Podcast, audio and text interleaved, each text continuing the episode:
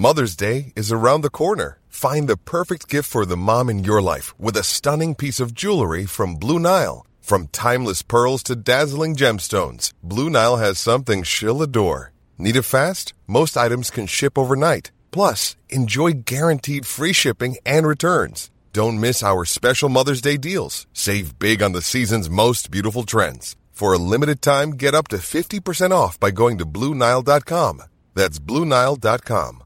Mom deserves the best, and there's no better place to shop for Mother's Day than Whole Foods Market. They're your destination for unbeatable savings, from premium gifts to show-stopping flowers and irresistible desserts. Start by saving 33% with Prime on all body care and candles. Then get a 15-stem bunch of tulips for just $9.99 each with Prime. Round out Mom's menu with festive rosé, irresistible berry chantilly cake, and more special treats. Come celebrate Mother's Day at Whole Foods Market. Hey there, it's Michelle Norris. I'm host of a podcast called Your Mama's Kitchen. When I travel, I'm usually looking for a way to find a taste of home when I'm not at home. And one of the things I love to do when I am at home is entertain. And Airbnb allows me to do that. When I was in California recently, I rented a house that had a great kitchen. And when we were sitting around the table, we were all thinking, we're in someone else's house. Someone could be in all of our homes as well. If you have a home, but you're not always at home, you have an Airbnb. Your home might be worth more than you think. Find out how much at airbnb.com/slash host.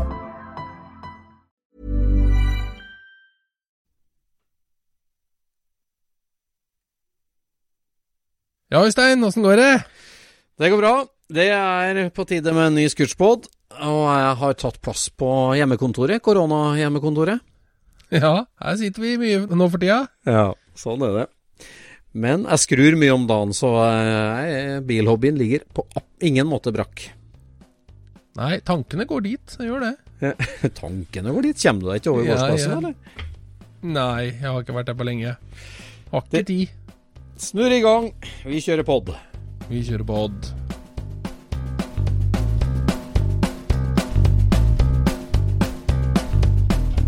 Du lytter nå til Scootspodden, en norsk podkast om klassisk bil med Jon Roar og Øystein.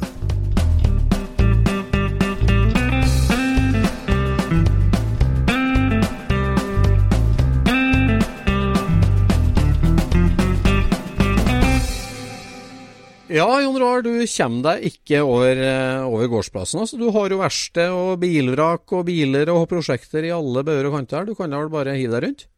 Ja Nei, jeg har vel gjort litt for mye av det, så jeg har litt dårlig samvittighet. Da, så jeg må jobbe litt på huset. Jeg ser jo det at du snekrer stadig videre på hjemmekontoret, så det blir jo bra, det. ja, det hjelper seg i hvert fall. Ja. Så ei uke igjen, eh, så har vi et tak også. Oi, oi, oi. Ja, det er godt.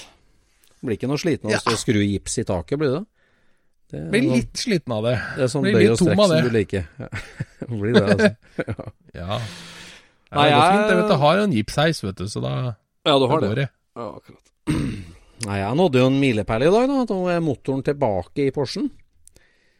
Ja. Den fikk jeg lempa inn, og det der er jo eh, Jeg har virkelig skrudd mye i siste. Det der blir eh, koronagirkassen. Eh, For nå ja, Når det er liksom eh, hjemmekontor og hjemmeskole for tre unger hele dagen, så det, har jeg liksom bedre samvittighet når jeg går ut i garasjen om kvelden. For da, da har jeg vært masse sammen med familien, og vi har hatt det kjempehyggelig. og og jeg har gjort min del av husarbeidet og alt sånt, så det er liksom helt plettfri vandel ut i verkstedet, og det har kosa meg som en gal, altså.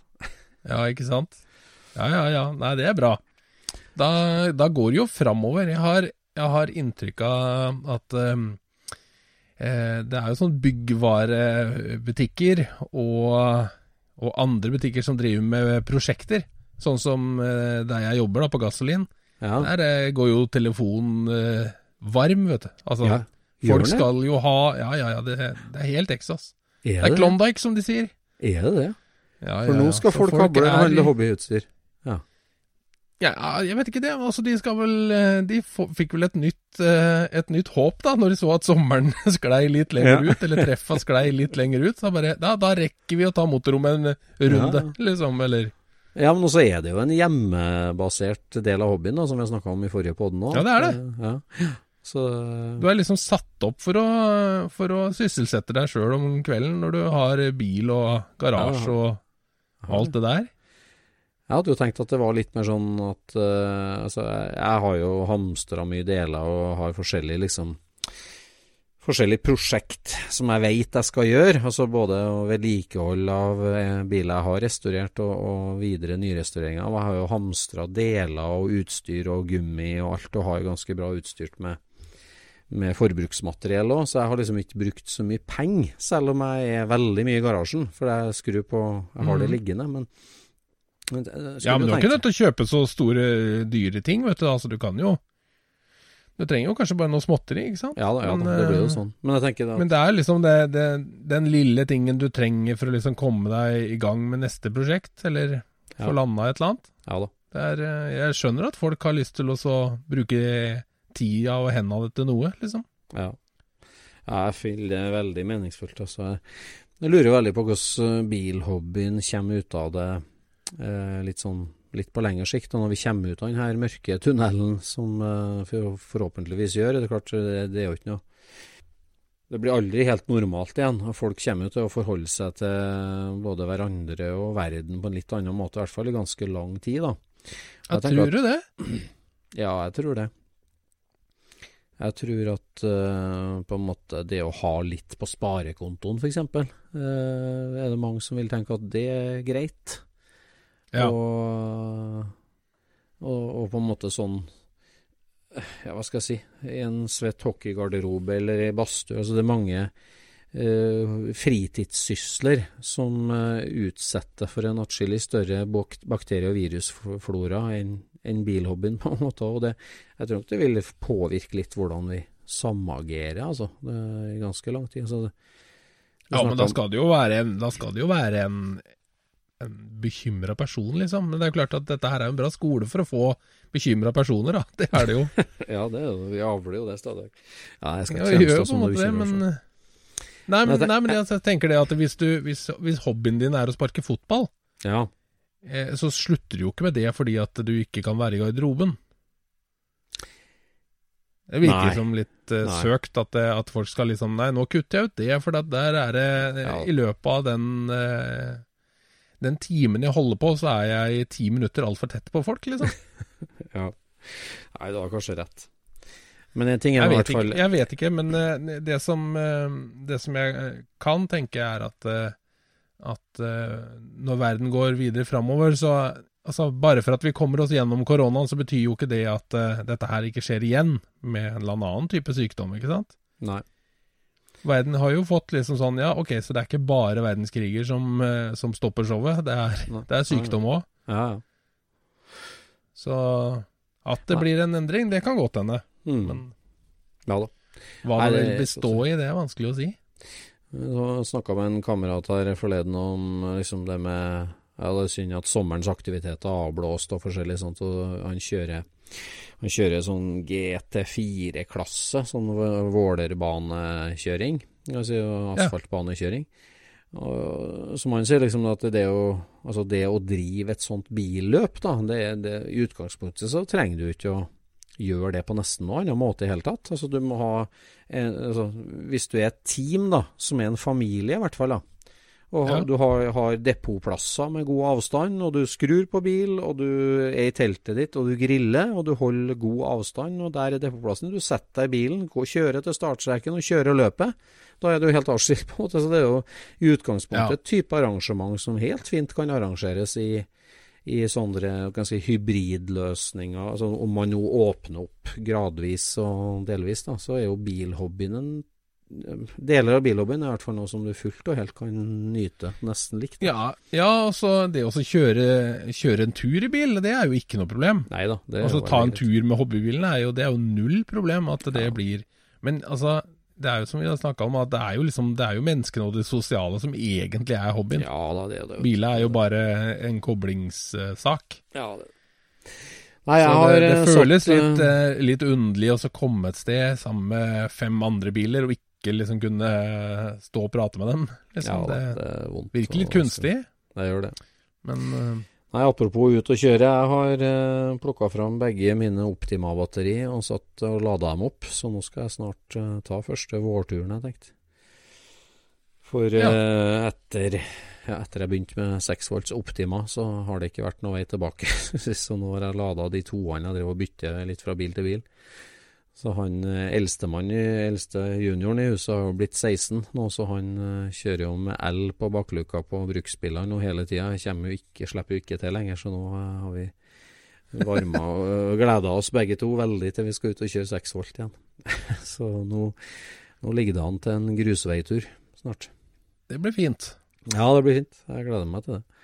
Så men ellers så er det skruing det har gått i det siste, og den Porschen min da, som uh, fikk ut med girkasse og inn med girkasse, og nå inn med motoren, da fikk jeg tatt en liten uh, småservice på motoren òg. Vi hadde jo et dynamohavari nede i Frankfurt der, som ble litt sånn panikkbytta en lørdagskveld, og det er jo ikke lett, altså, med, med trangt motorrom og, og, ut med dynamo i Porschen. Så Men det, sier du nå at du skal du bytte den dynamoen med, med motoren i bilen igjen? Nei, nei, men eh, når vi var demontert for å få bytta den, så var det en del skruer vi aldri kom til å sette på plass igjen, som eh, ja, ja. jeg nå fikk ja. satt på da, og rydda opp i.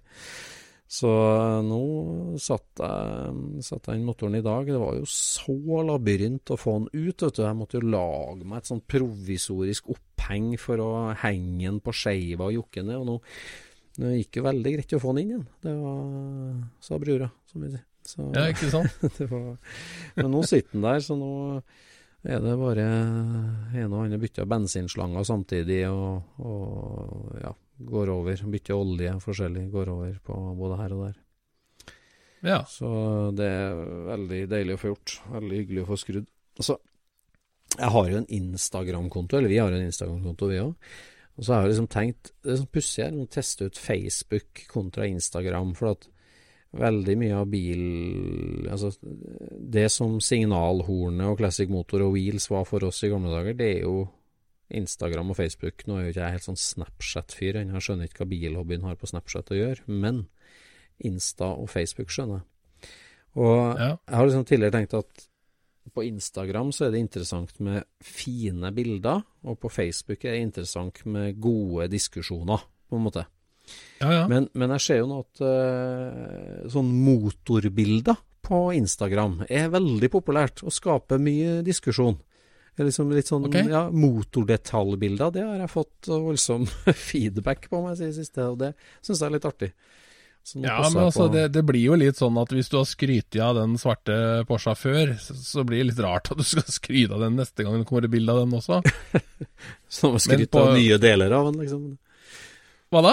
Da må jeg skryte av andre ting på den, vet du, eller nei? Nei, nei, nei. nei jeg mener ikke, ikke, for deg, men altså den som ser på dine innlegg, da. Ja, sånn, ja. Mm. Altså, ikke sant? Når du ser bilen første gangen, så kan du liksom si at 'å, den var, den var kul', eller altså ja.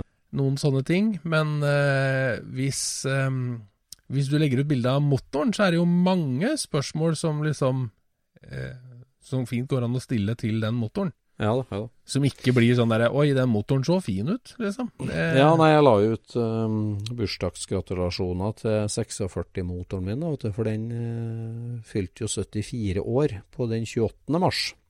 Ja. Uh, som er bare en par dager siden. Så, uh, så det var den 46-motoren. Og det er artig at det engasjerer sånne tekniske ting. Jeg, jeg elsker sånne tekniske ting. Veldig tekniske ting. Ja. Det, ja. Det. Så jeg tok litt bilder av motoren, gjorde jeg, så jeg skal legge ut det. Og så Nå har jeg fått den inn igjen, så nå er det en par dager med motorblekk og ene mann. Jeg måtte jo av med ventilkåpene, og det var jo så trangt, vet du. Men uh, nå er den sittende der. Ja. ja. Og du har holdt på litt 49, eller hvordan var det? Uh, nei, men uh, Jeg fikk jo et brev her. Oh fra dattera til tyskeren. Gjorde du det? Gjorde du det? Ja. ja. Med bilde av uh, faren Nei. som måker snø. Nei. Og et bilde av en splitt med ovalt bakrute. Ja. Og det var jo den. Eh, det, er ikke, det, er jeg ikke, 100 sikker på. Det er veldig snodig det bildet, for det, det er jo da Det er så mye som stemmer, og så er det noen få små ting som er feil. Ja. aha. Eh, fordi da Det ser jo ut som en oval ved første øyekast, men Ja. den har 16-tomshjul, ja. og så har den ventilasjonsruter i dørene. ja. Det, det skal den jo ikke egentlig ha, men det kan Mm. hende at han hadde det. Var ikke noe Eh. igjen av dørene dine i det hele tatt? Eller? Nei, de er dårlige. Eh, så, så den eh, Ja. Så det, det har jeg ikke sett. Om de, om de har hatt luftevindu eller ikke, er helt umulig å si. Litt umulig å si akkurat det. Men, ja. men baklokket hadde jo Pope Nose. Altså den hadde jo den avrunda skiltnesa bak. Ja. Mm. Eh, og det har ikke bilen på bildet. Nei. Den har vanlig eh, skiltbelysning bak. Ja.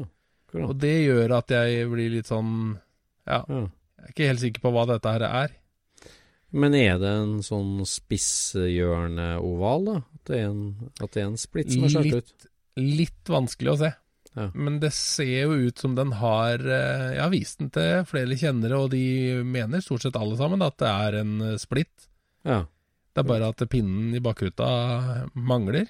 Og så Vis den til flere kjennere, men ikke til meg. Det er hyggelig.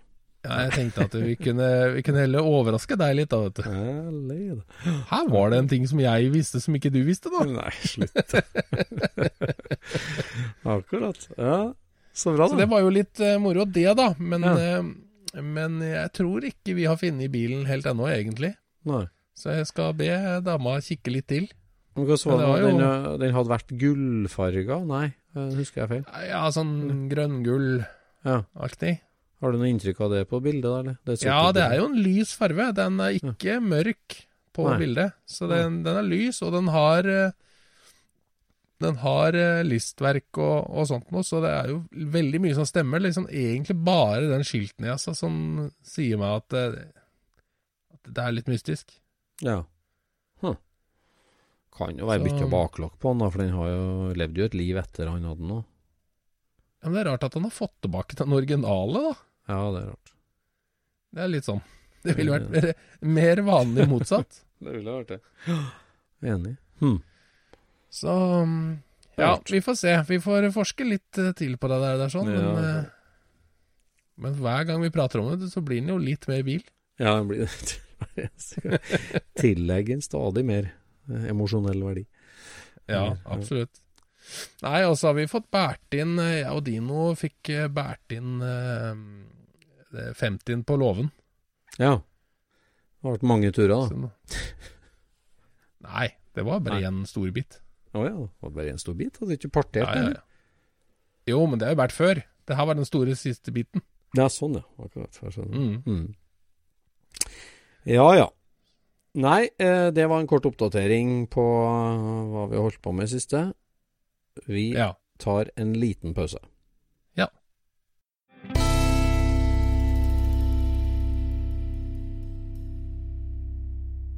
Yes, Jon Roar. Rett før vi stupte inn i koronatunnelen, så rakk jo vi å få med oss det som ble årets første og siste biltreff.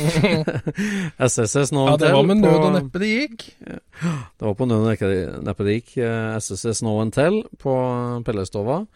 Det var en Mm. kjempetrivelig helg. Mm.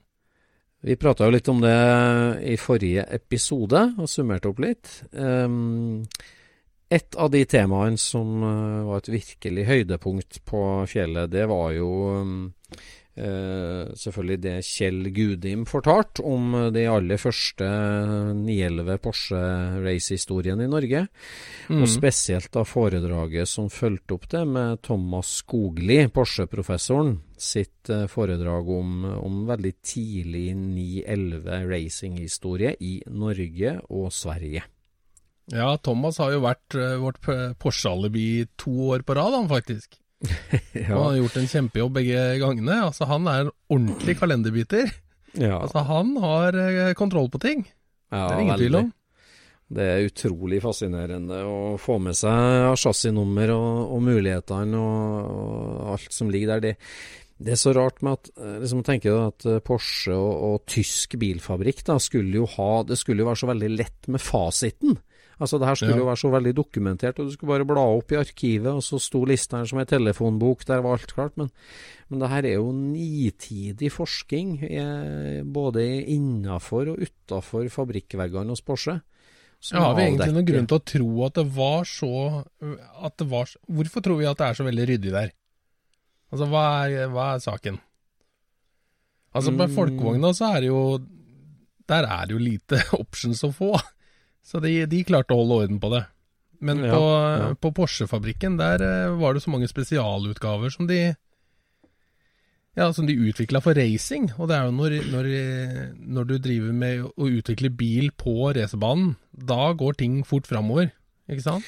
Ja, det gjør det, men altså, det her var jo liksom si, homologeringsbiler. Du måtte få godkjent 50 stykker eller eh, 25 stykker for å kjøre et løp eller et eller annet sånt. Og det er klart at Og, og det her det, ikke, det var jo ikke liksom lamper eller oppvaskmaskiner. Det her, det her har jo serienummer, og det var jo typegodkjenning, og det var vognkort, og det var godkjenning. Så det Altså, å, altså, å få ut lista over chassisnummeret på de 25 homologeringsbilene, det skulle jo være en veldig enkel folder i arkivet, det.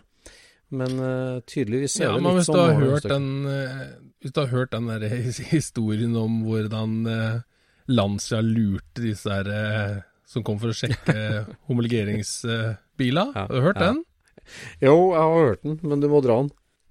Ja, det var jo det at eh, Lancia måtte lage 400 biler.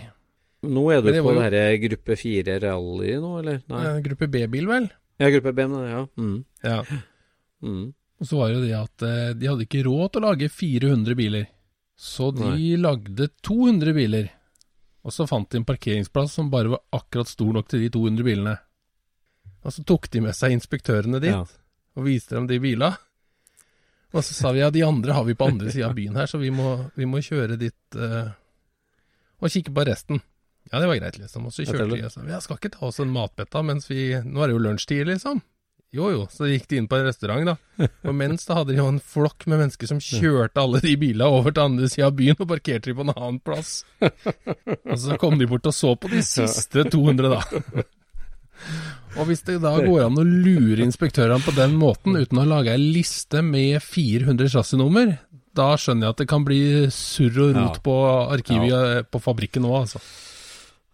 Skjønner jo det. Skjønner jo det.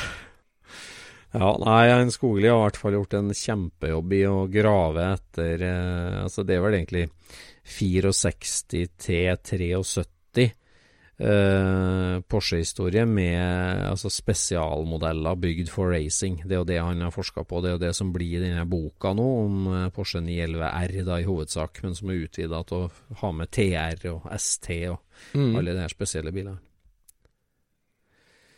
Eh, så en Skogli, det, det var jo som vi snakka om sist her, at Kjell Gudim han fortalte om, eh, om kjøringa, og hvordan han da først fikk utdelt en eh, Han kjørte jo Notchback folkevogn 1500 Notchback i mange år med stor suksess, og så fikk han da en hvit Porsche 912. Som eh, ble ei kjempeskuffelse, som gikk dårligere, syns han, enn 1500 Ja. S-en. Og så da vårparten 67 så fikk han den her grønne fullspekk race-bilen sin. Som, eh, som er jo en legendarisk bil, som vi skal komme tilbake til Ja. mer i podden. Eh, og da var det jo veldig artig med Skogli som backa opp eh, med historien til akkurat den bilen, hvor spesiell den Cardexen var, med rallypakke, spesiell fjæring, tuna motor, eh, annet ratt. eh, he, hele den Cardexen, altså byggeloggen på den bilen, hvor, hvor spesiell den aller første 911 da, som kom til Norge gjennom Møller-systemet. Den var jo tøff, syns jeg, når de bestiller en full racebil. Liksom. Det er klart de skulle, de skulle slå Trond Skjea i Mustangen. Det var Ford mot folkevogn på den tida i Norge. Eller Porsche. Porsche mot folk, mot Ja, altså, men, men de solgte jo omtrent ikke Så- Porsche, så det er jo veldig spesielt at de liksom ser seg nødt til å så De måtte jo Ja. ta i helt ned til støvla for å slå Ja. den, den, Mustangen. Nei, det, det De gjorde en ordentlig jobb når de bestilte den bilen. Det var ikke noe tull, det der. Ja, de gjorde det, altså. Det var veldig, veldig artig. Alle vi andre som har sett den opp igjennom, har jo tenkt at eh, å ja, det er en 911. Det er klart det gikk bra. Men når du ser den Cardexen og ser den eh, oppskriften på den bilen, så ser du at det er, det er jo en rallybil. han har fått der. Det er en rallybil. En fullspekka rallybil som er jo liksom uten sidestykke i norsk historie. Altså, nå kom det riktignok en 74 RSR etter hvert, da. Som Suzuki-importøren tok inn. Den eh, skal jo komme tilbake. Den snakka jo Thomas Skogli litt om òg, på, Mhm. på fjellet. Så, men det var ikke mange fullspekka, så spennende 911 altså, som kom. Det var ikke så den mørke grønne som Gudim ble eh, landskjent med, den, eh, det, var, det var en veldig artig mm. sak. Eh, og der har jo du en slags kronjuvel, for det finnes jo det finnes ikke så mange bilder av den bilen i drift, men det finnes noen. Og etter bare et par år med Gudim bak rattet, så det var jo Møller som eide den hele tida, så solgte jo dem den til arvingen til Lloyd-konsernet i mm. Fredrikstad. Lloyd Pettersen, vet ikke det? Jo. Um, som kjøpte den og kjørte den videre i mange løp, og Gudim Lonten var tilbake og en par, mm. par anledninger. Det finnes jo noen helt uvirkelig kule bilder av den bilen i aksjon på Bjerkebanen og på depotet på Gardermoen Ja. og forskjellig. Nei, det som eh, jeg husker når, eh, når jeg kom over eh, navnet Gudim første gangen i, i kjøpsøyeblikk, da. Det var jo når jeg var av gårde og skulle kjøpe meg ei tannstang til en eh, 911. Ja. Eh, så var det en kar da som eh, hadde litt Porsche-deler liggende, så jeg kjøpte et sånt til en eh, reservehjulsfelg i stål til 911 og ei tannstang. Mhm. Og så lurte han på om eh, jeg hadde hørt om jappfelger. Japp-felger. Og det hadde jeg jo for så vidt ikke, da, men eh, jeg er jo generelt interessert så lenge det passer deg Porsche. Hvordan kom du borti han tannstangfyren? Annonserte Jeg tror det var i den derre Nei, det var eh, i den derre Hva heter den? Billisten? Det var et sånt blad, sånn eh, avis som du kjøpte. Ja. Var det, inne, det var en som Ja. solgte noen Porsche-greier. Hadde Ja. masse Porsche-deler, liksom. Så da eh, ringte jeg han, og, og så var jeg borte og skulle kjøpe disse tinga han i Skien, da. Og så, og så sier han at, eh, at han hadde sånne Japp-felger. Han har to Japp-felger.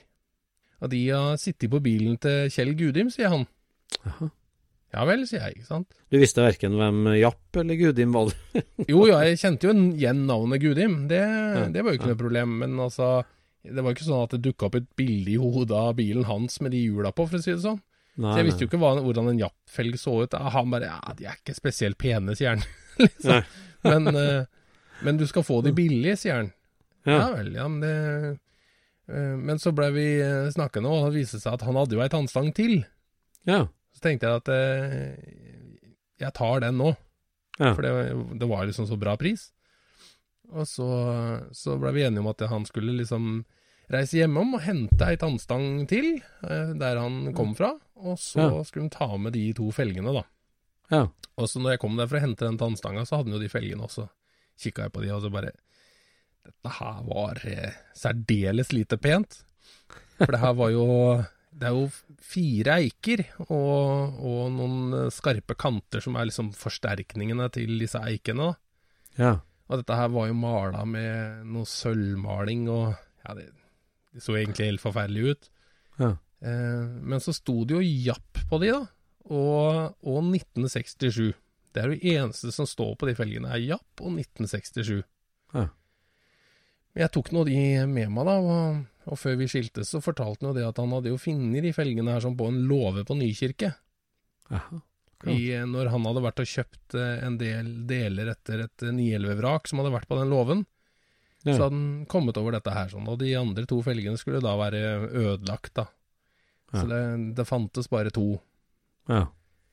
Eh, så jeg eh, kjøpte jo de der sånn, og så etter eh, mange år så tok jeg de i bruk fordi at jeg hadde Jeg hadde jo sånne Male gasburners eh, felger på, på bobla.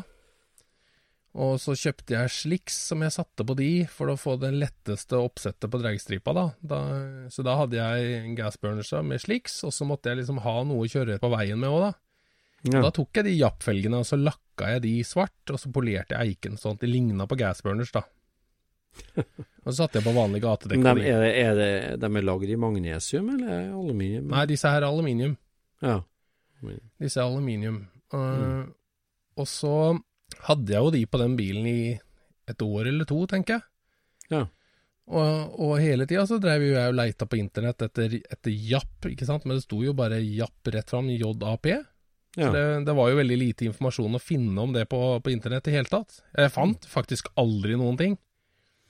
Men det var Porsche boltmønster, og det var 15 tonn. Hvor brei er de da? De er 6 tonn breie, tror jeg. Ja. Eh, og så, ja, så er det 15 tonn, og Porsche-boltmønster. Men mm. eh, på et tidspunkt så kjørte jeg innom på et folkevogntreff i, i Tønsberg. Og da hadde jeg folkevogna mi på, på henger, for vi hadde vært et eller annet sted og kjørt. Så mm. den sto på hengeren bak der, og da hadde den de jappfelga bak, da, den bilen. Mm. Og så kommer eh, vår gode kompis eh, Øyvind Lid forbi. ja. Og sier eh, Har du jappvelge på vovla di, sier han. ja, sier jeg. Har, eh, har du ikke sett sånne før? sier jeg. Liksom kødder for at eh, han er liksom første som noen gang har nevnt i jula. Ja. Og så Jo da, jo da, sier han liksom. Og så, så snakka vi ikke noe mer om det. Og så, og så var det bare noen uker etterpå, kanskje en måned eller noe sånt, og så la jeg ut bilder av de der på nett igjen og spurte er det noen som vet hva dette her er. Disse jappfelgene, da. Og da kom jo Øyvind Lid igjen og sier at eh, ja, men jeg har fortalt deg at jeg vet hva det der er, sier han. Og først da skjønte jeg at han ikke tulla, ikke sant? Ja. Så da fortalte han at det er J.A. Pierce eh, Ja. som, som har laga de felgene der sånn. De er engelske. og Han har laga masse felger til Mini og, og andre engelske biler, da. Jøss. Det Og da hjalp det jo veldig på, for da visste jeg hvordan du stava dette navnet, da. Ja, for det har ikke med, med det- japp Det har ikke, det har ikke med japp-motorene altså speedway-motorsykkelmotorene. Japp. Nei. Er det nei. Det, det- er en som heter John A. Pierce, heter han. Ja. ja. Eh, og han dreiv butikk i Southall i London, sin forstad til London, ja. fra 1962 til 1973. Der dreiv han og støpte felger, eh, Yes. og bygde mm, eh, Formel 1-biler, og dreiv et Formel 1-team. Oh, ja, Så- så-. Så han monterte Han bygde da egne rødrammersassi og monterte en De to første bilene så monterte han en eh, Ferrari V12-er. Jøss. Og så bygde han en med en, en, en Martin-motor i, som var noe Ja, annet. så, så bilene het Japp, altså. Japp. uh. De løpsbilene? Ja. Nei, de het eh, Den ene het vel ja, Nå husker jeg ikke. De het Cooper Martin, het den siste i hvert fall. Men hva han kalte den første det var, vel- Lurer på om det var Cooper Ferrari. Jeg tror det var det. ja. Men i hvert fall så støpte han da eh, felger til disse Formel 1-bilene. Magna heter de felgene. Magna. Magna. Mm. Eh, og det er da MK1-eren er det jeg har. Ja. Eh, og den er jo da eh, De laga jo de til Formel 1-bilene, og de var jo veldig breie, da. De som satt bak på de. Men, eh, men i 19, det fant jeg ut i dag, faktisk, at eh, det er bare to år som han eh, satte årstallet på felgen. Og det var oh. 1967 og 1968. Så da sto det årstallet på de, og etter det så sto det Japp Magna på de. Så at, eh, det er helt 100% sikkert at mine er produsert i 1967. ja. Eh, Men altså de, men, men på ett punkt da, så skjønner han at det er et marked for ettermarkeds uh, aluminiumsfelger til bl.a. Porsche, og begynner å lage det i forskjellige boltsirkler og kjøre på. ja, han lagde det til Han lagde det til Triumph, og han lagde Ja. det til Jaguar. Også Ja. til, eh, til Mini og, og, og andre engelske småbiler, da. Med samme så- designet, stort sett. da. Ja, det er veldig likt design på alle disse her, sånn, men, men det er veldig få av disse her eh, MK1-ene igjen i verden, da. Så det er mest MK2-felger, og det, det, er, det kommer jo liksom i 60, 69, tror jeg den der eh, MK2-versjonen kommer. Den er helt lik, det er bare Ja. at det er fire forsterkningsribber mer i designet, kan du si. Ja. Så du kunne på en måte slipa bort de og fått til to MK1-er hvis det, hvis det sto, virkelig sto på, da.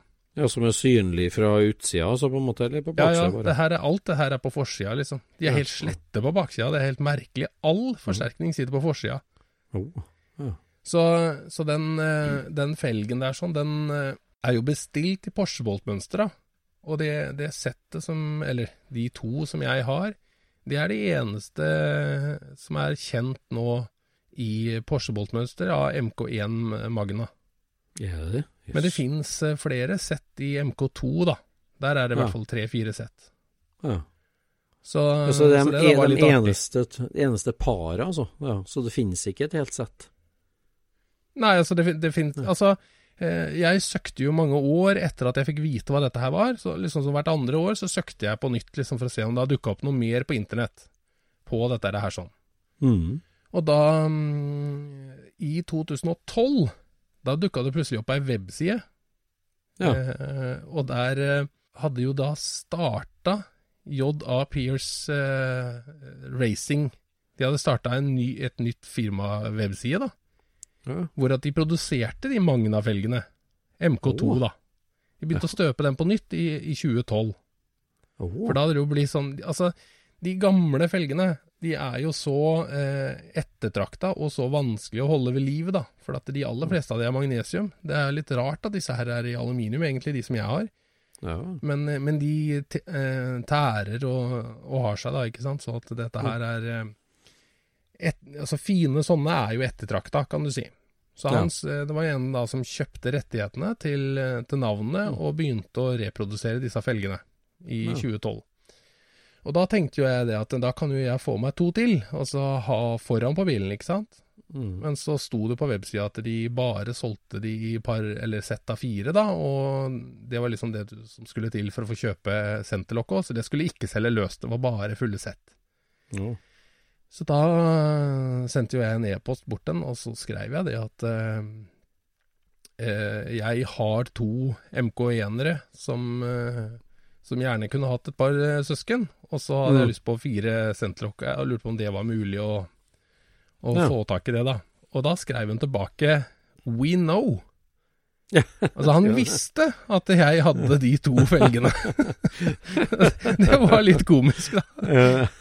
For jeg hadde jo delt dette her på nettet flere plasser, jeg, da, at jeg hadde de to felgene, i, i et forsøk på å få vite hva det var, og, og for å få tak i flere. Yes. Men da, så det var ikke noe problem å få kjøpt noen flere av han, da. Men nå gjorde jeg aldri det, og nå tror jeg faktisk det der har gått over ende, for nå er den sida Ja. vekk igjen. Uff. Så mm, Men eh, det, det var jo litt interessant, i hvert fall. You Så- Så jeg er ganske sikker på at disse felga her sånn blei kjøpt i 1967 av noen som eh, ikke gadd å kjøpe 4,5 tom felge av Porsche, når de vil ha breiere hjul. Ja, for da Så- hadde de jo bare fuksfelger der, så de ville ha enda bredere. Da fantes det bare 4,5 tom fuks. Ja. Så det tok jo to år før de var liksom opp på bredden av disse her, da. Mm. Men det- eh, du, har- har du snakka med Gudim da, om hvor de felgene kom fra, og hvordan det var, eller? Han hadde jo mekanikere som ordna det. Det er jo Ja. Det er jo det han fortalte meg, at det, det var jo mekanikere som ordna sånt. Ja. Og det som Ikke sant, for jeg har jo aldri sett noe bilde av bilen til Gudim uten Eller med de hjula på. Det var jo ikke før eh, Trond Skjea døde. Da Mm. kjørte jo NRK et, eh, et opptak fra, fra Gardermoeløpet.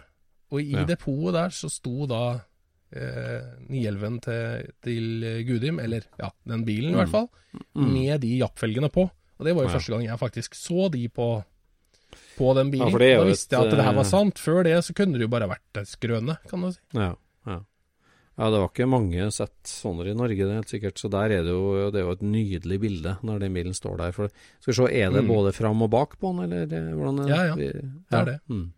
Det var nok fire Ja. stykker på den, vet du. Ja, det var det. Men det var jo litt sånn komisk. Jeg drev jo og spora eierne på den bilen for å liksom finne ut når eh, felgene ble tatt av bilen. Altså Det Ja. hadde jo vært litt sånn gøy å finne ut av. ja. Og, eh, og jeg snakka jo med flere av de, og så var det jo en, en jeg fant som hadde et bilde av bilen, faktisk. ja. Og så spurte jeg liksom, hva slags felger er det på bilen, er det fuksfelger, eller hva, hva er det for noe? Nei, det er noe annet, noe rare greier, sier han. Liksom. Ja. Jeg lurte på om han kunne skanne det bildet til meg, da, og, og sende det til meg, og det Ja, han kunne ikke det, da, men han, han kunne sende meg bildet. Så han ja, sendte meg originalbildet sitt, da. Gjorde? Og da kom, kom det bilde av bilen. Da var den burgunderrød, og hadde ATS-felger. Ja, akkurat. Ja, men de er jo ikke så ulike hvis en skal beskrive hvordan Japan ser ut. Så ATS er jo ikke så ulikt, på en måte. Nei, men her, han hadde jo denne bilen Ja, jeg mener han sa at det var 82 eller noe sånt. nå, jeg. Ja, Så da hadde han rekke jo gått gjennom et sett med felger allerede. ja, ja. Det er veldig komisk. Nei, den bilen er jo litt sånn som vi snakka om sist, til George Washington 6. Altså at den har vært krasja og bytta og krasja og bytta og krasja og bytta, og er jo ikke mye igjen av den. Nei, det er jo ikke det, da. Men, eh, Ja. men du har det er litt artig lell, da.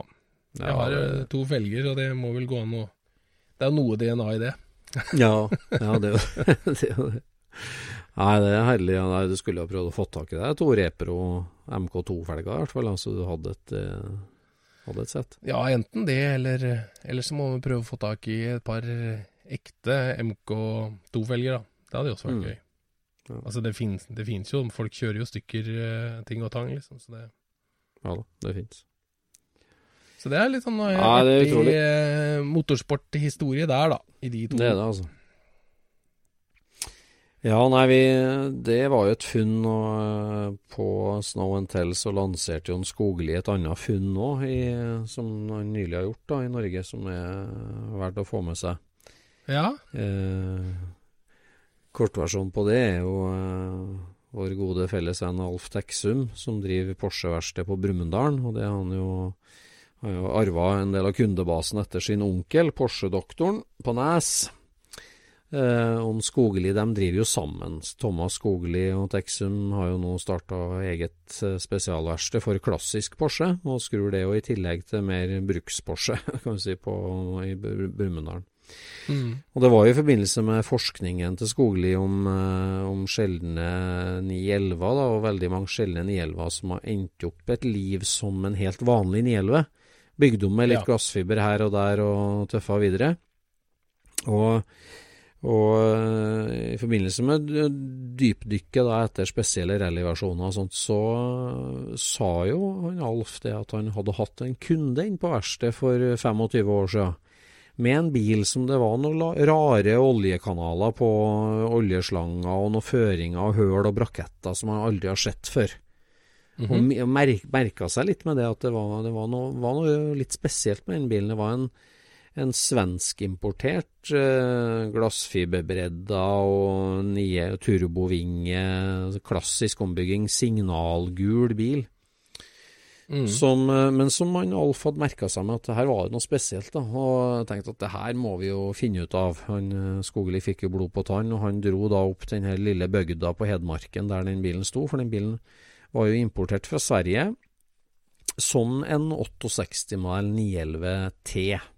En helt Mm. plain Jane-bil, eh, bygd om, da. Og, men aldri registrert på norske skilt. Han kom, kom inn tidlig på 30-årsregelen og har bare blitt stående i en garasje. Og motoren var vel overalt, det var en mye nyere motor inn.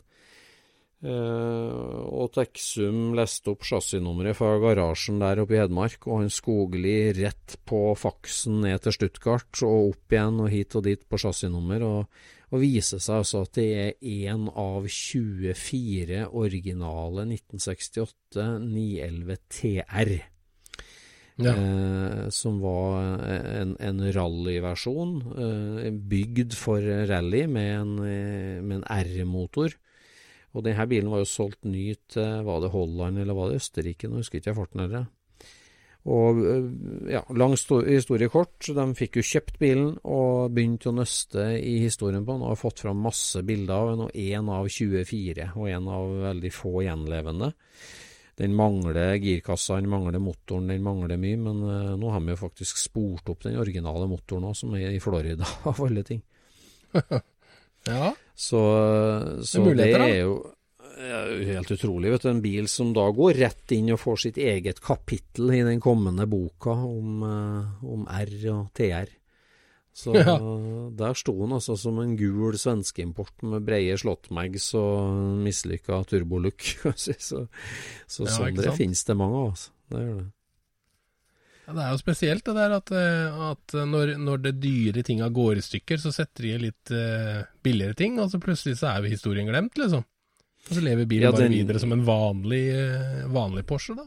Det, er- altså, den der er jo hot i nøyaktig ett og et halvt år, da, eller to år. En sånn sesong. Så er den jo tatt igjen av utviklinga med en gang. Så det, den er Mm. jo kjempehot da. Så blir den jo utslitt bare etter hvert og havner i lavere serier. Og blir- jo til slutt bare en herja driter som eh, Minner jo liksom om den eh, den E30-en, den Ja, den BMW-en Jegermeister- som- BMW-en, ja.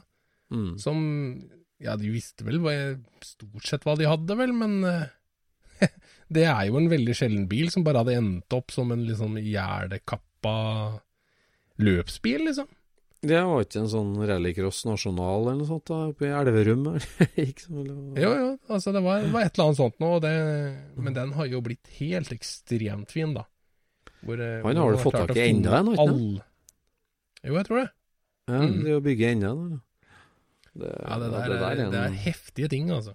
virkelig fascinerende historie. Og veldig fin eh, Veldig fint å følge med på, på Facebooken der også. Se hvordan eh, prosjektet går framover, og finner alle de vanskelige delene. Og Ja, Det er stilig, altså. Ja, det er gøy å se sånt eh, komme sammen igjen. Ja, virkelig. Det er veldig Og hvor, liksom, hvor mange små ting som de gjør på en sånn løpsbil for å få den til å bli en løpsbil. Altså. Ja. Ja. hvor, hvor lite lik den er til en vanlig bil, da. Ja, fy flate. Det er vanvittig. Nei, Det er mange ting, sånne løpsbiler. Det er, jo sånn- det er jo ikke så mange i Norge da som endte opp som en uh, altså Jeg bare tenker på den derre den derre eh, 1303 S Cup-bilen. Eh, jeg har jo en sånn fra 74. Mm. eh, der Møller tok hjem 20 stykker i 1973 og 5 stykker i 1974. Eh, 1303 S som- som var rigga fra folkevogn med Øttinger-motor og fullt bur og skliplate under hele veien, og, og med designasjonen av 1303 S Cup.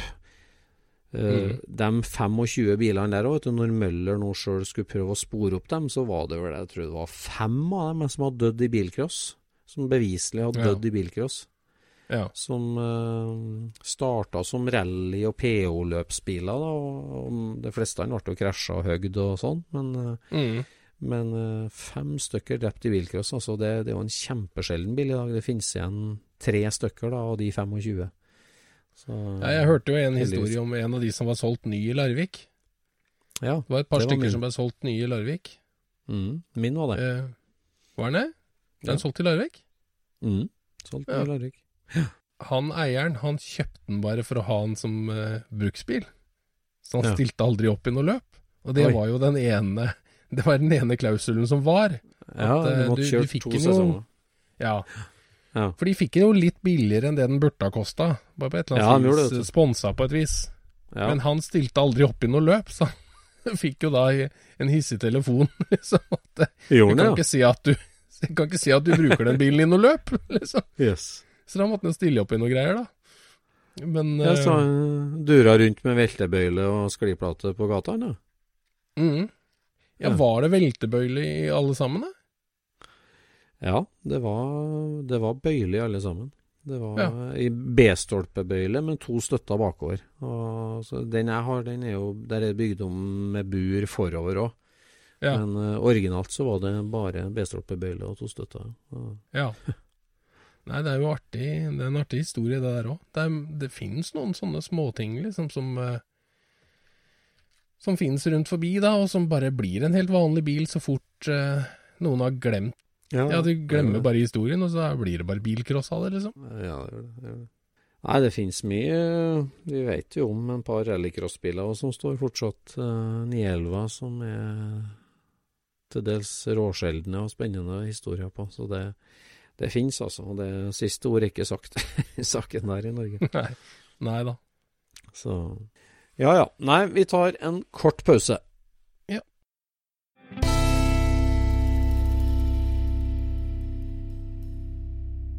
Ja, Øystein.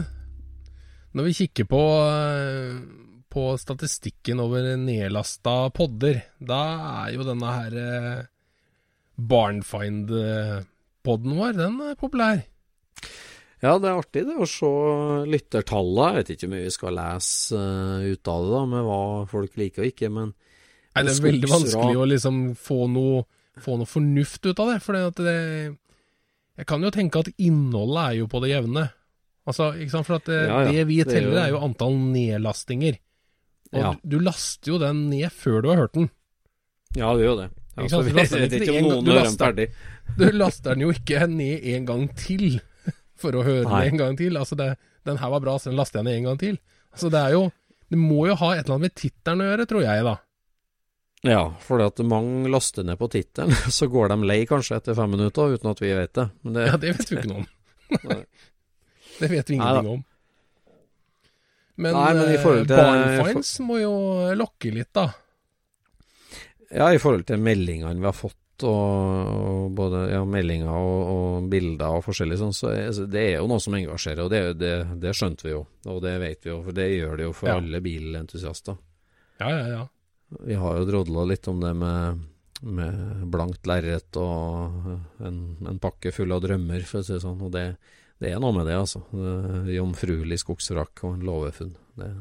Jeg eh, stoppa jo deg når du, du satt og prata om eh, Når du hadde sittet på Skatthval og, og snakka på og med, med gammelgubbene og jugd på deg at du visste om en bil.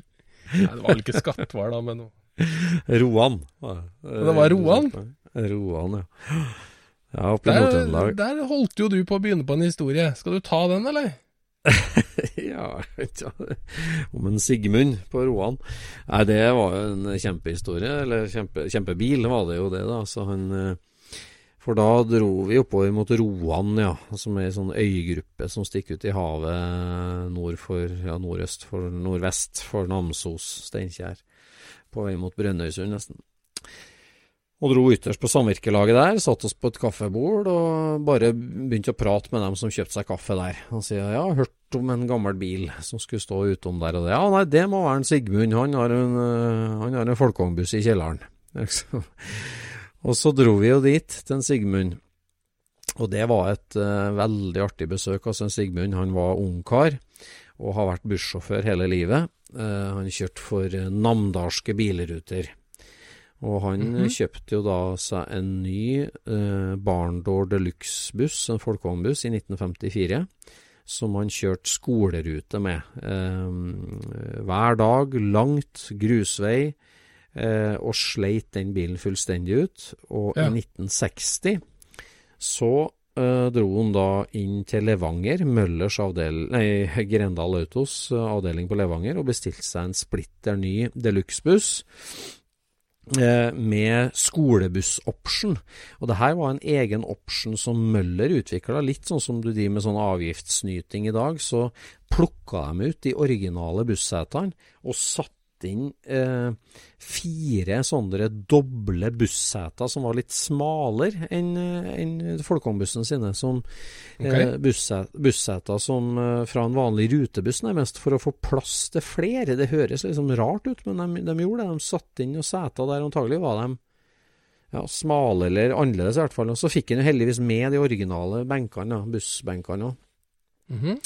Men Sigmund da, han eh, ville ikke ha soltak, for soltaket det lakk som ei sil på den barndåren, så han bestilte deluxe-bussen sin med altså fullt krumkit, eh, vinylinteriør, hjørnevindu, alt sammen, men han ville ha varebiltak. Ja, Sunroof Delete, som det heter i dag. Sunroof Delete heter det i dag.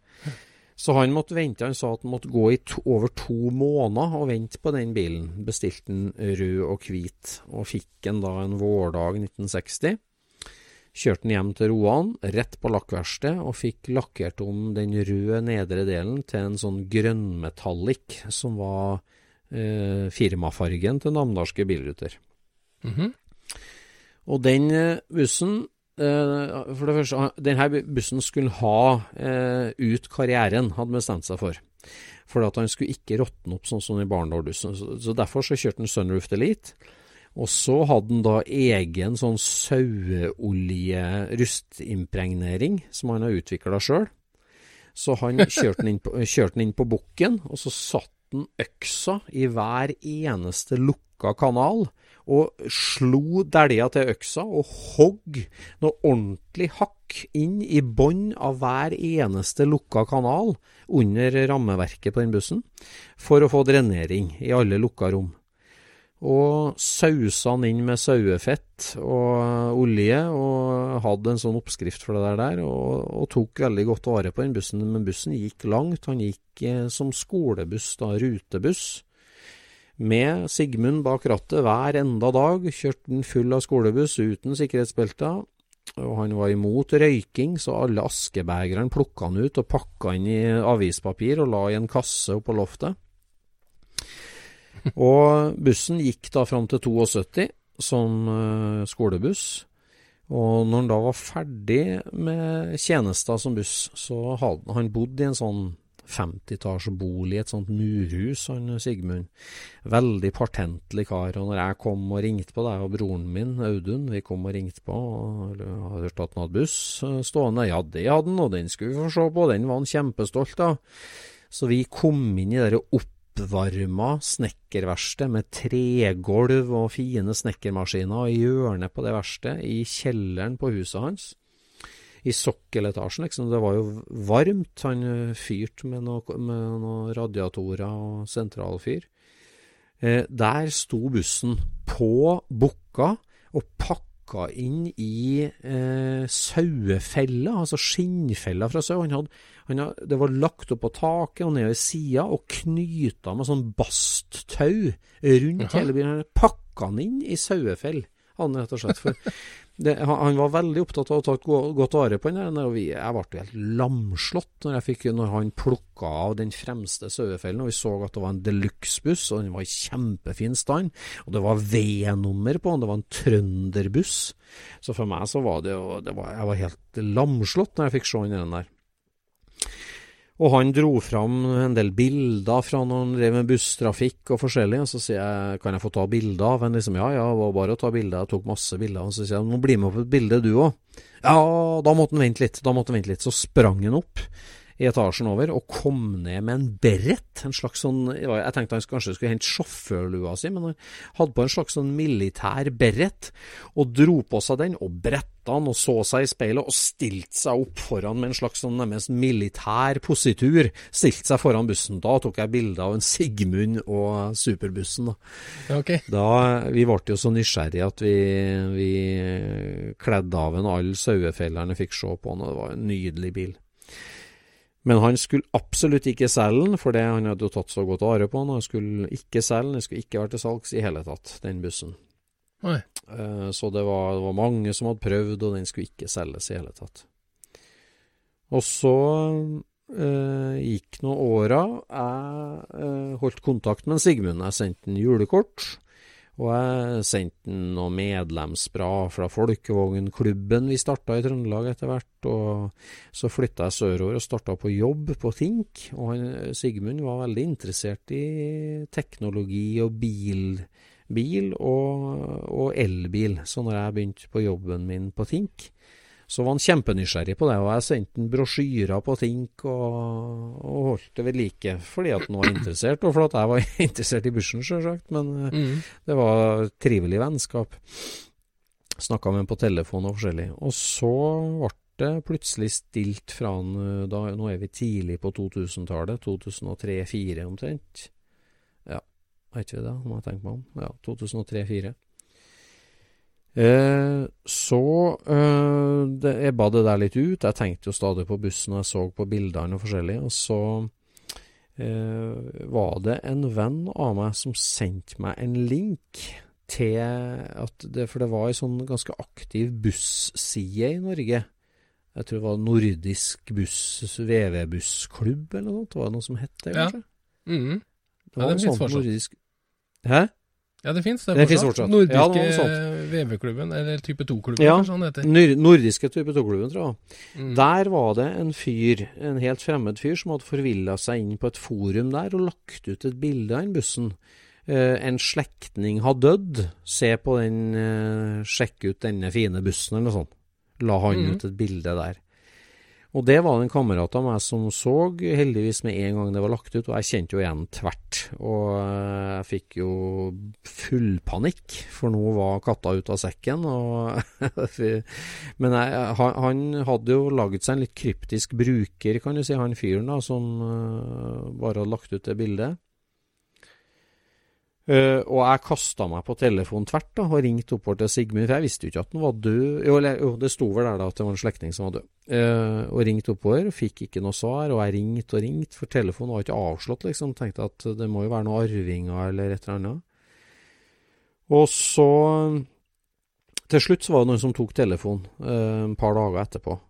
Og da viste det seg at han Sigmund han var jo ungkar, og, og eh, han, han, var onkel til ei dame som bodde i Oslo. Eh, mm -hmm. hun, hun, var jo fra Roan, hun òg, men hun, hun, var da hjem for å rydde opp etter onkelen sin. Og jeg sa at jeg var Øystein Asphjell og var bilentusiast, og så ja, vet du hva, her i papiret etter en onkel så, så, ligger navnet ditt. Det ligger en brosjyre på elbil her, og det står her at Øystein Asphjell VV-bussen. Så vi driver akkurat og blar gjennom det her nå, og, og det var pussig at du ringte, for, for, her ligger det skrevet om at du var interessert i den her i, i papiret etter han, sier hun. Så det var interessant at du ringte. Uh, ja, jeg er kjempeinteressert i den bussen. Og hva skjer? Jo, nei, nå skal vi rydde alt sammen der og sånn. Men, uh, han, var gammelonkel til en guttunge som har bygd seg en buggy en gang i tida, og han var veldig interessert i denne bussen. Han var buggy-interessert. Han har hatt en buggy, så han var interessert i bussen.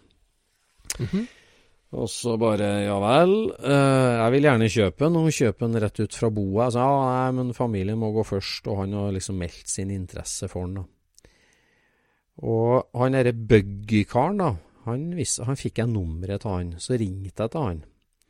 Og det var òg en gutt som var, var, litt eldre enn meg. Jeg, at, altså, jeg var vel 30 da omtrent, og han var sikkert kanskje 40 da, eller sånt. da. Mm.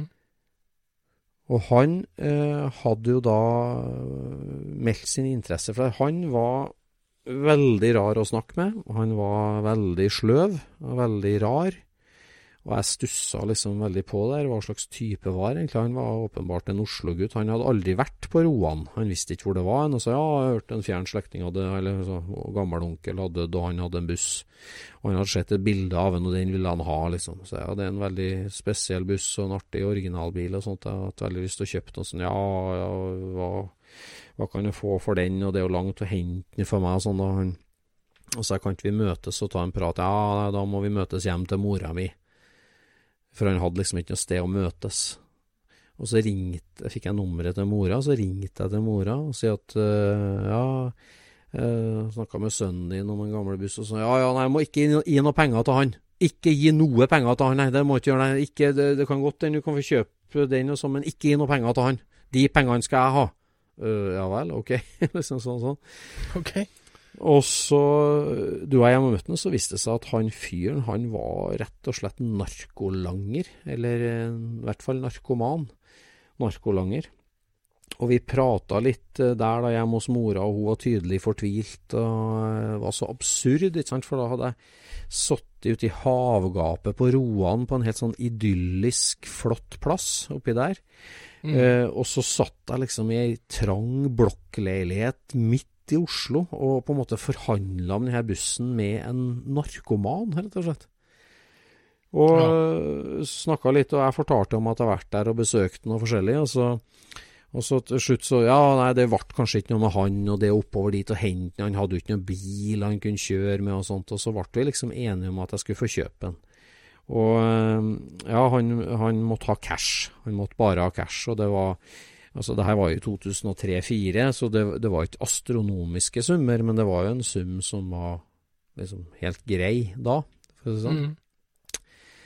Eh, og, og, da sa hun mora nei, hun må ta pengene. Nei, det er jeg som har fått bussen, så jeg skal ha pengene, liksom. Så begynte jeg med å krangle litt om det, og så og så ble vi enige om liksom, ja, hun mora hun ville i hvert fall vite at han fikk pengene, på en måte, og, at, eh, og, og jeg skulle jo hente den oppi der, og, og, jeg sto her og skulle overrekke penger. Og så avtalte vi da en par dager etterpå der jeg skulle eh, møte han og levere pengene.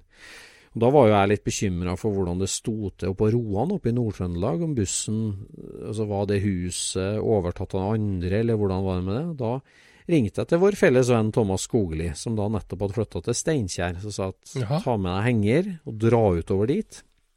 Kan du hjelpe meg med det? Ja, ja, det gikk fint, liksom. Han dro utover. Og det her ble jo da en helt merkelig setting, for da kjørte han Skogli utover til Roan med hengeren, sto utafor huset. Det kom en slags bobestyrer som sto der og møtte han. Og så skulle jeg da ha med meg en hvit konvolutt med en god del titusener oppi, for å si det sånn, i cash. Mm. Og møte han fyren der i den parken ved Oslo S alle ting. I parken ved Oslo S. Og så hun derre halvhysteriske mora, da, som for så vidt var veldig trivelig, men hun var engstelig for sønnen sin og hvordan det pengene skulle ende opp, og han hadde lovt å komme rett hjem til hun med pengene og forskjellig. Og den dagen jeg var i banken på flere runder og tok ut kontanter, putta det i en hvit konvolutt, og det begynte å øse pøse regnvær, og jeg gikk fra kontoret mitt nede på bankplassen og gikk opp til parkeringsplassen på Oslo S. Sto der og venta, jeg hadde jo møtt ham en gang før. Og han kom opp i en utslitt, shabby Toyota Carina eller noe sånt i stasjonsvogn, en burgunder stasjonsvogn. Jeg husker jeg reagerte på det, for at baksetene var slått ned, og i, i, bagasjerommet så lå det altså en haug med altså maleri, kunstbilder, liksom. Lå det en sånn stabel på en fem-seks stykker i, i bagasjerommet med nedslått baksete. Og han kom kjørende inn i bilen, og kom ut, og ja, sånn og sånn. Og det, vi hadde jo mobiltelefon, selvfølgelig, da, da, da måtte jo da måtte vi sammen ringe til mora og si at nå sto jeg der, her var konvolutten, han fikk den.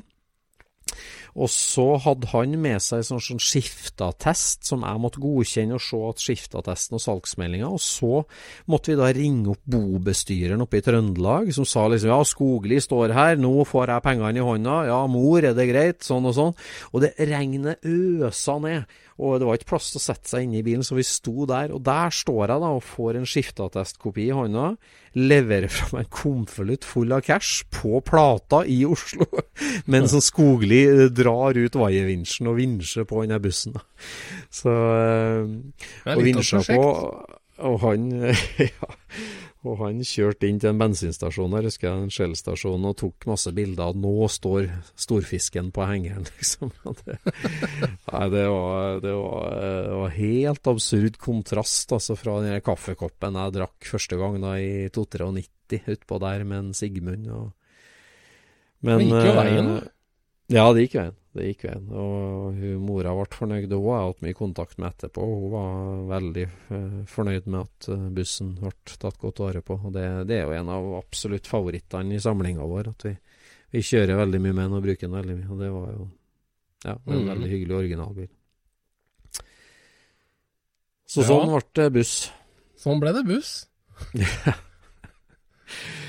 Så Men eh, du holder jo ut, da. 93, ja det var jo Det var ti år der, da. Ja, det var ti år, ti år med julekort og, og glede der. Det var det. Nei, det, Ja. ja. utholdenhet har alt å si, det, i, jakt. jakten. Ja, sant det. Så. Det har alt å si. Ja da.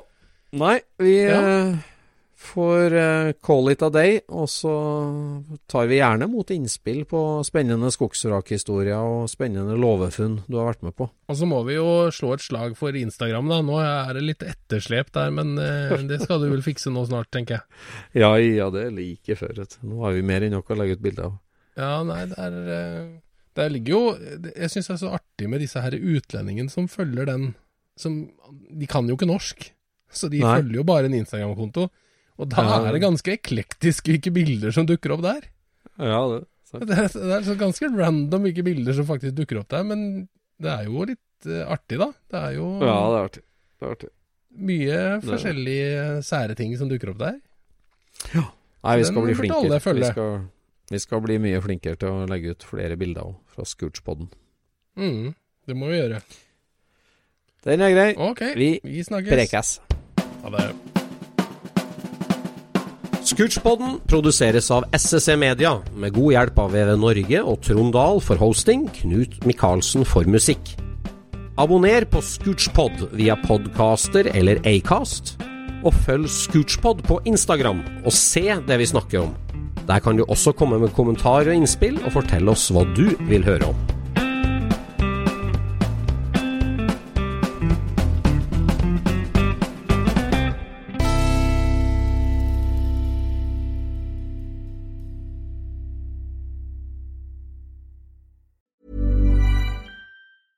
Planning for your next trip? Elevate your travel style with Quince. Quince has all the jet setting essentials you'll want for your next getaway, like European linen, premium luggage options, buttery soft Italian leather bags, and so much more. and is all priced at 50 to 80% less than similar brands. Plus, Quince only works with factories that use safe and ethical manufacturing practices. Pack your bags with high-quality essentials you'll be wearing for vacations to come with Quince. Go to quince.com slash pack for free shipping and 365-day returns. Mom deserves the best, and there's no better place to shop for Mother's Day than Whole Foods Market. They're your destination for unbeatable savings, from premium gifts to show-stopping flowers and irresistible desserts. Start by saving 33% with Prime on all body care and candles. Then get a 15-stem bunch of tulips for just $9.99 each with Prime. Round out Mom's menu with festive rosé, irresistible berry chantilly cake, and more special treats. Come celebrate Mother's Day at Whole Foods Market.